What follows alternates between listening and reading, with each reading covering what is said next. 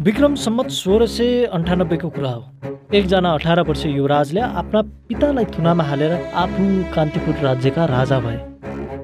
ती युवराज थिए प्रताप मल्ल। यसरी राजा भएका प्रताप मल्लका दुईटी रानीबाट पाँचवटा सन्तान भए। भूपेन्द्र चक्रवर्तेन्द्र निरुपेन्द्र महिपेन्द्र र पार्थिवेन्द्र चलिआएको नियमअनुसार त राजाको मृत्युपछि बल्ल उनको जेठो चाहिँ सन्तानले मात्र राज्य भोग गर्ने अवसर पाउँछ।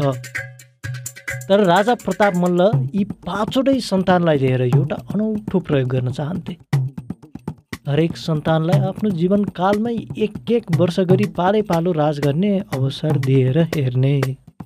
यसै अनुसार उनको दोस्रो पुत्र राजकुमार चक्रवर्तेन्द्रको राज गर्ने पालो आयो चक्रवर्तेन्द्रको राज सुरु भएको भोलिपल्ट उत्सवको आयोजना गरियो। जनसमारोह बोलाइए र यसै समारोहमा चक्रवर्तेन्द्र विशाल हात्तीमा चढेर आए। तर दुर्भाग्यवश हात्ती अनियन्त्रित हुन पुग्यो र हात्तीले कुल्चिएर चक्रवर्तेन्द्रको त्यही दिन निधन भयो। यस घटना पश्चात राजा प्रताप मल्लले त आफूलाई जसो तसो सम्हाले तर रानी भने शोकमा विलिप्त भइन्। उनको दिन उदासीनतामा बित्न थाले। जीवनका रङ बिरङ हर्ष उल्लास सबैबाट मन मर्यो उनी हाँस्न पनि छाडिन्। आफ्नी प्यारी रानीको यो हालत प्रताप मल्लले देख्न सकेनन्। र रानीको मुहारमा हाँसो फिर्ता लाउन अनेक प्रयास गर्दा पनि असफल भएपछि अन्तिममा एउटा जुक्ति निकाले।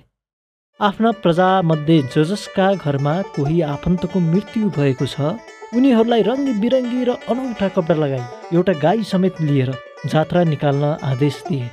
जात्रा निस्किएपछि जात्रामा अनेक वेशभूषा लगाई हाँस्दै रमाउँदै हिँडेका मानिसलाई देखाउँदै आफ्नी रानीलाई सम्झाए।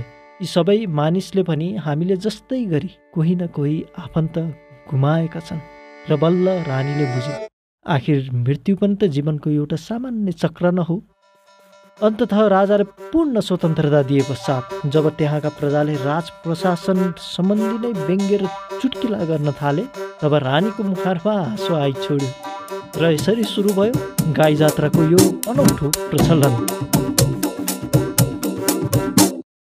तपाईँ सुन्दै हुनुहुन्छ नेपाल रिभाइब्स हाम्रो website W W dot Nepal Revives dot ओआरजीमा थप लेखहरू तथा पोडकास्ट सुन्न सक्नुहुनेछ।